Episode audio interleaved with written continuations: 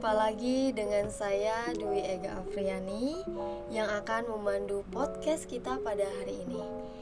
Baik, hari ini kita telah mengundang salah satu narasumber yang sangat luar biasa tentunya yang akan berbagi banyak informasi, pengalaman dalam bidang pendidikan.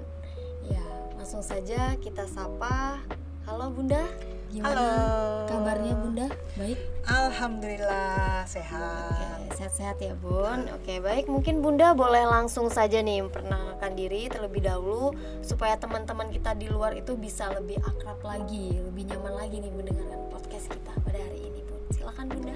Oke, terima kasih. Saya Kartika Mutiara Sari, dosen dari program studi pendidikan tari Fakultas Bahasa dan Seni Universitas Negeri Jakarta.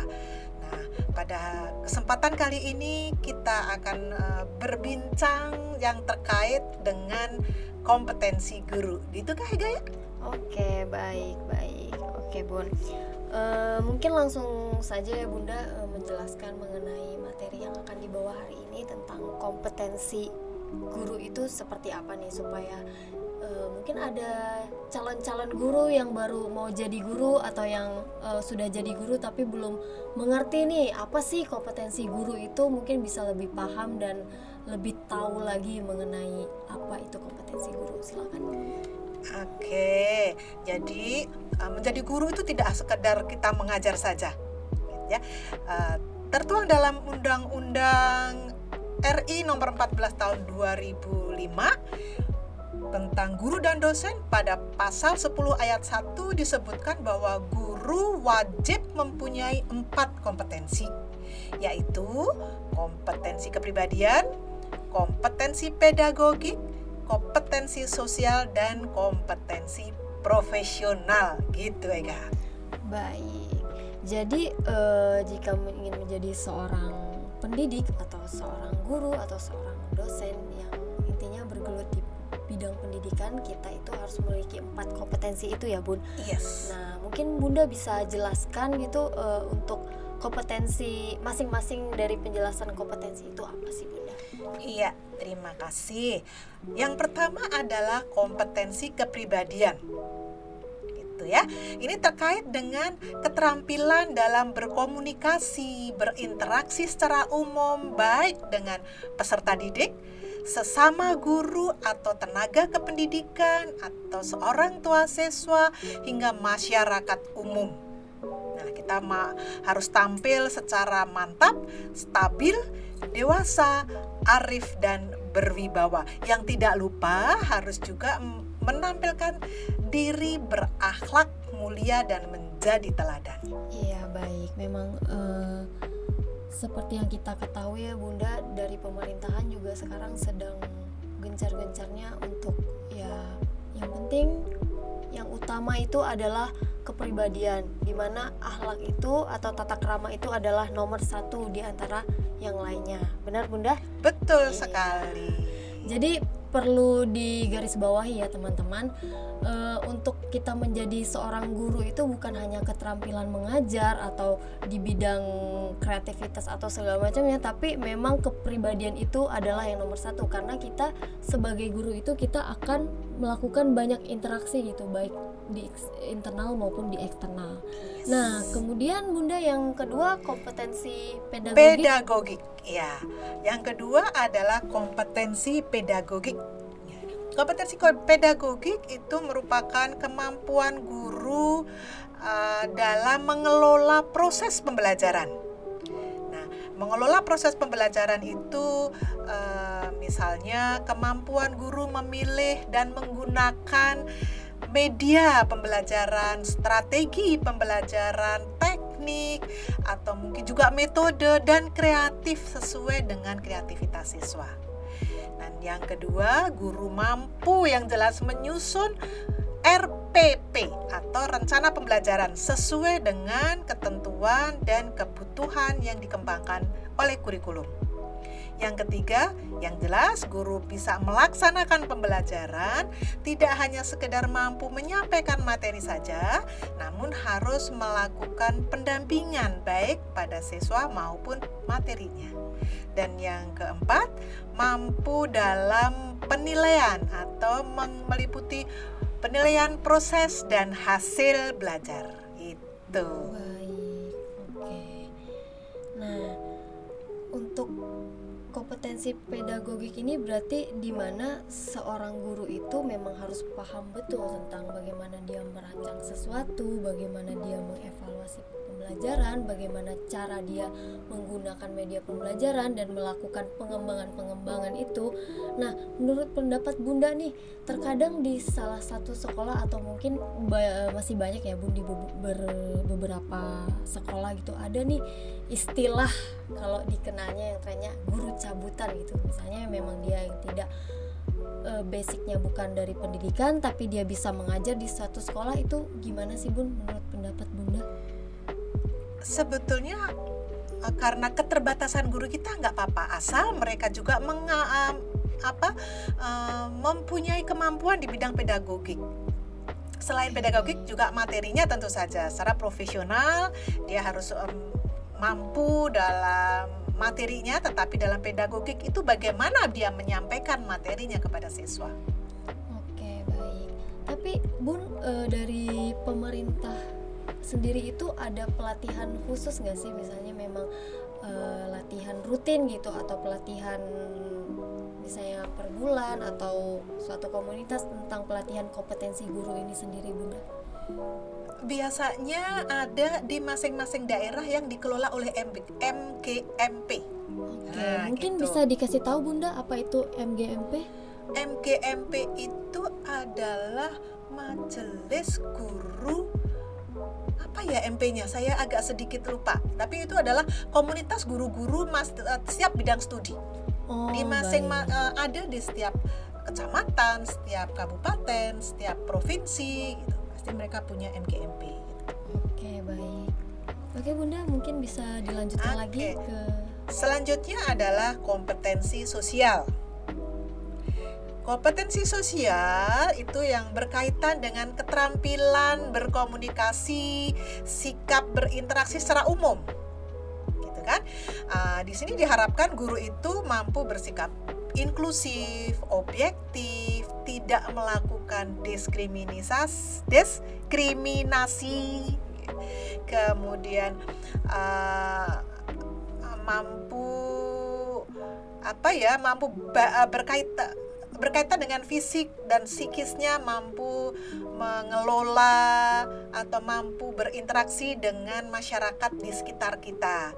Kemudian mampu berkomunikasinya juga menggunakan bahasa yang santun dan empatik itu terkait dengan kompetensi sosial. Kemudian ya, guru jangan teriak-teriak lah ngomong sama tetangga teriak. Nah, itu adalah salah satu bentuk kompetensi kita. Walaupun di luar kelas kita juga mampu berkomunikasi efektif menggunakan bahasa yang santun dan empatik. Kemudian juga uh, mampu uh, berkomunikasi secara lisan maupun tulisan. Ini yang diperlukan juga dan uh, ada uh, yang keempat adalah beradaptasi dan menjalankan tugas sebagai guru di berbagai lingkungan dengan berbagai macam sosial dan budayanya. Itu yang terkait dengan kompetensi sosial. Oke, baik. Ya, mungkin bisa dilanjutkan. Lanjut. Selanjutnya adalah Uh, kompetensi profesional. Nah, ini dia kompetensi guru seni tari secara profesional. Pendidikan seni, khususnya seni tari itu adalah pendidikan yang unik. Jadi memerlukan guru yang unik juga, profesional. Karena apa? Karena uh, seni tari sama di kurikulumnya, tetapi pelaksanaannya di setiap daerah, setiap sekolah akan berbeda. Pada pembelajaran seni tari itu ada tiga keterampilan nih. Ada pengetahuan atau kita apresiasi, kemudian ada ekspresi dan kreasi. Gitu. Jadi kompetensi profesional ini yang wajib dimiliki adalah uh, apa ya menguasai materi pelajaran. Tentu saja harus materi pelajaran yang diampu terutama. Berikut struktur-strukturnya konsep-konsepnya gitu. Dan yang kedua mengu menguasai kurikulumnya tentu saja. Karena nanti akan terkait bagaimana guru menyesuaikan kurikulum dengan materi pembelajarannya. Gitu. Jadi jangan uh, misalnya contohnya guru di Papua. Dia tidak akan memberikan materi mengajarkan tari dalam uh, praktek atau dalam ekspresi tari Jawa. Nggak bisa kan kalau anak Papua mau belajar tari Jawa? Gitu. jadi uh, pasti akan disesuaikan.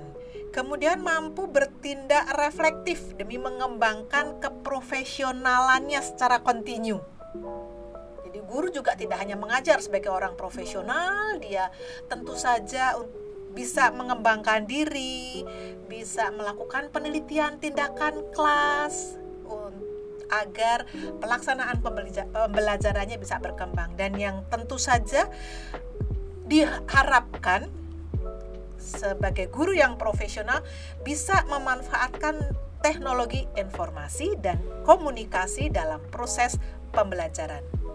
Gitu.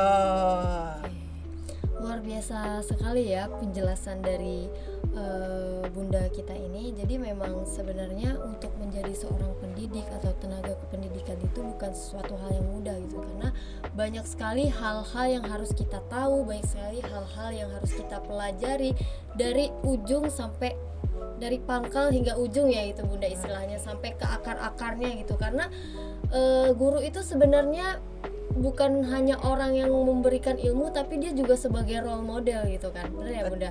Sebagai role model sebagai contoh gitu. Nah nanti ketika misalnya ingin menciptakan um, tunas-tunas bangsa yang baru gitu yang berakhlak mulia maka contohilah gurunya juga harus berakhlak mulia gitu. Karena apa pun biasanya yang dilakukan oleh guru pasti kadang siswa itu pasti mengikuti bunda gitu yeah. kan. Apalagi anak zaman sekarang gitu ada yang cacat sedikit ada yang kesalahan sedikit langsung diprotes gitu kan. Ya karena anak-anak sekarang udah cukup mereka udah cukup apa ya cukup berani gitu.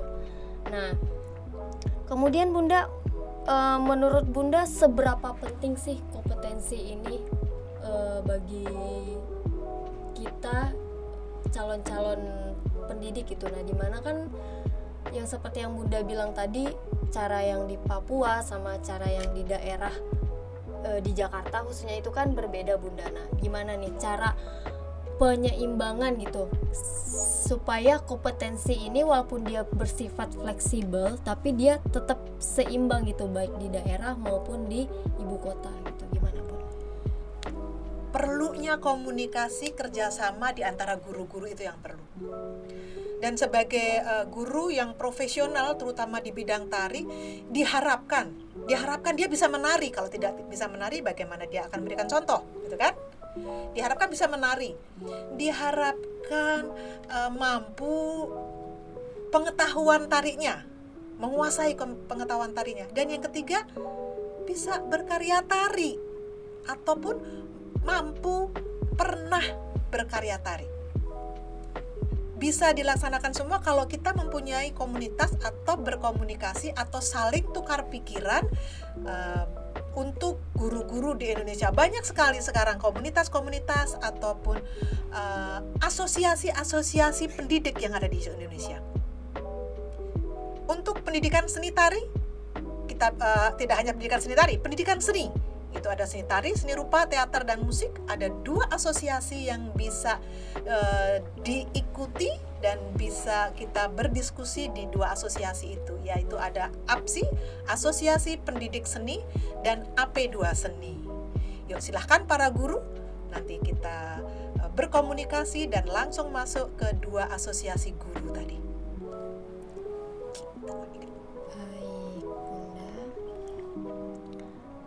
Kemudian bunda?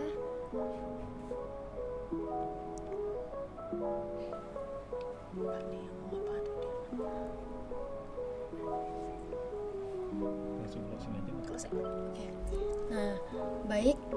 Mungkin uh, ada sudah banyak sekali ya tadi pembahasan-pembahasan gitu sudah banyak sekali ilmu dan materi yang diberikan kepada kita mungkin ini sangat bermanfaat sekali untuk para calon-calon guru, para calon-calon pendidik gitu yang ingin berkecimpung di dunia pendidikan. Jadi mungkin dari sekarang walaupun misalnya masih mahasiswa semester akhir atau yang baru mau rencana-rencana bisa bisa banget nih belajar dulu, baca dulu apa itu kompetensi guru, bagaimana e, cara menjadi guru yang baik dan benar, bagaimana menjadi guru yang profesional itu wajib banget untuk kita belajar ter terlebih dahulu ya Bunda. Mungkin uh, ada pesan dan kesan Bunda sebagai pendidik negeri gitu untuk para pendidik-pendidik di luar sana mungkin terkhususnya untuk di bidang seni Bunda. Iya. Jadi kadang-kadang kita pada uh, para pendidik di bidang seni ini asik dengan kegiatan berkeseniannya saja tapi tidak mencoba untuk bagaimana sih mengembangkan diri dalam kegiatan-kegiatan yang lain misalnya uh, tentang penelitian kemudian mengembangkan media media pembelajaran itu yang kadang-kadang teman-teman teman-teman pendidik seni ini pendidik seni tari khususnya asik dengan mengajarnya saja tapi tidak mengembangkan medianya. Mari kita bersama-sama bersatu padu agar pendidikan seni khususnya seni tari itu tetap menjadi mata pelajaran idola bagi siswa. Guru harus profesional, harus uh, mampu mengembangkan diri dan harus uh, bisa apa ya tadi Eh, mengembangkan atau sesuai dengan kompetensi yang sudah ditentukan atau yang sudah tertulis dalam Undang-Undang RI nomor 14 tahun 2005 tentang empat kompetensi guru tadi. Oke, baik. Terima kasih banyak Bunda sudah berbagi pengalaman, sudah berbagi informasi. Semoga apa yang Bunda sampaikan pada hari ini bisa menjadi bekal khususnya untuk saya sendiri gitu karena saya juga merupakan calon pendidik gitu, calon pendidik juga berguna untuk para guru-guru di luar sana mungkin yang belum mengetahui apa itu kompetensi guru dan tentunya sukses selalu buat Bunda, sehat selalu buat Bunda, tetap jaga kesehatan. Semoga kita bisa bertemu di lain waktu lagi ya Bunda ya. Terima kasih. Terima kasih Bunda. Oke, sampai di sini perbincangan kita pada hari ini. Saya Dwi Ega Afriani pamit undur diri. Bye.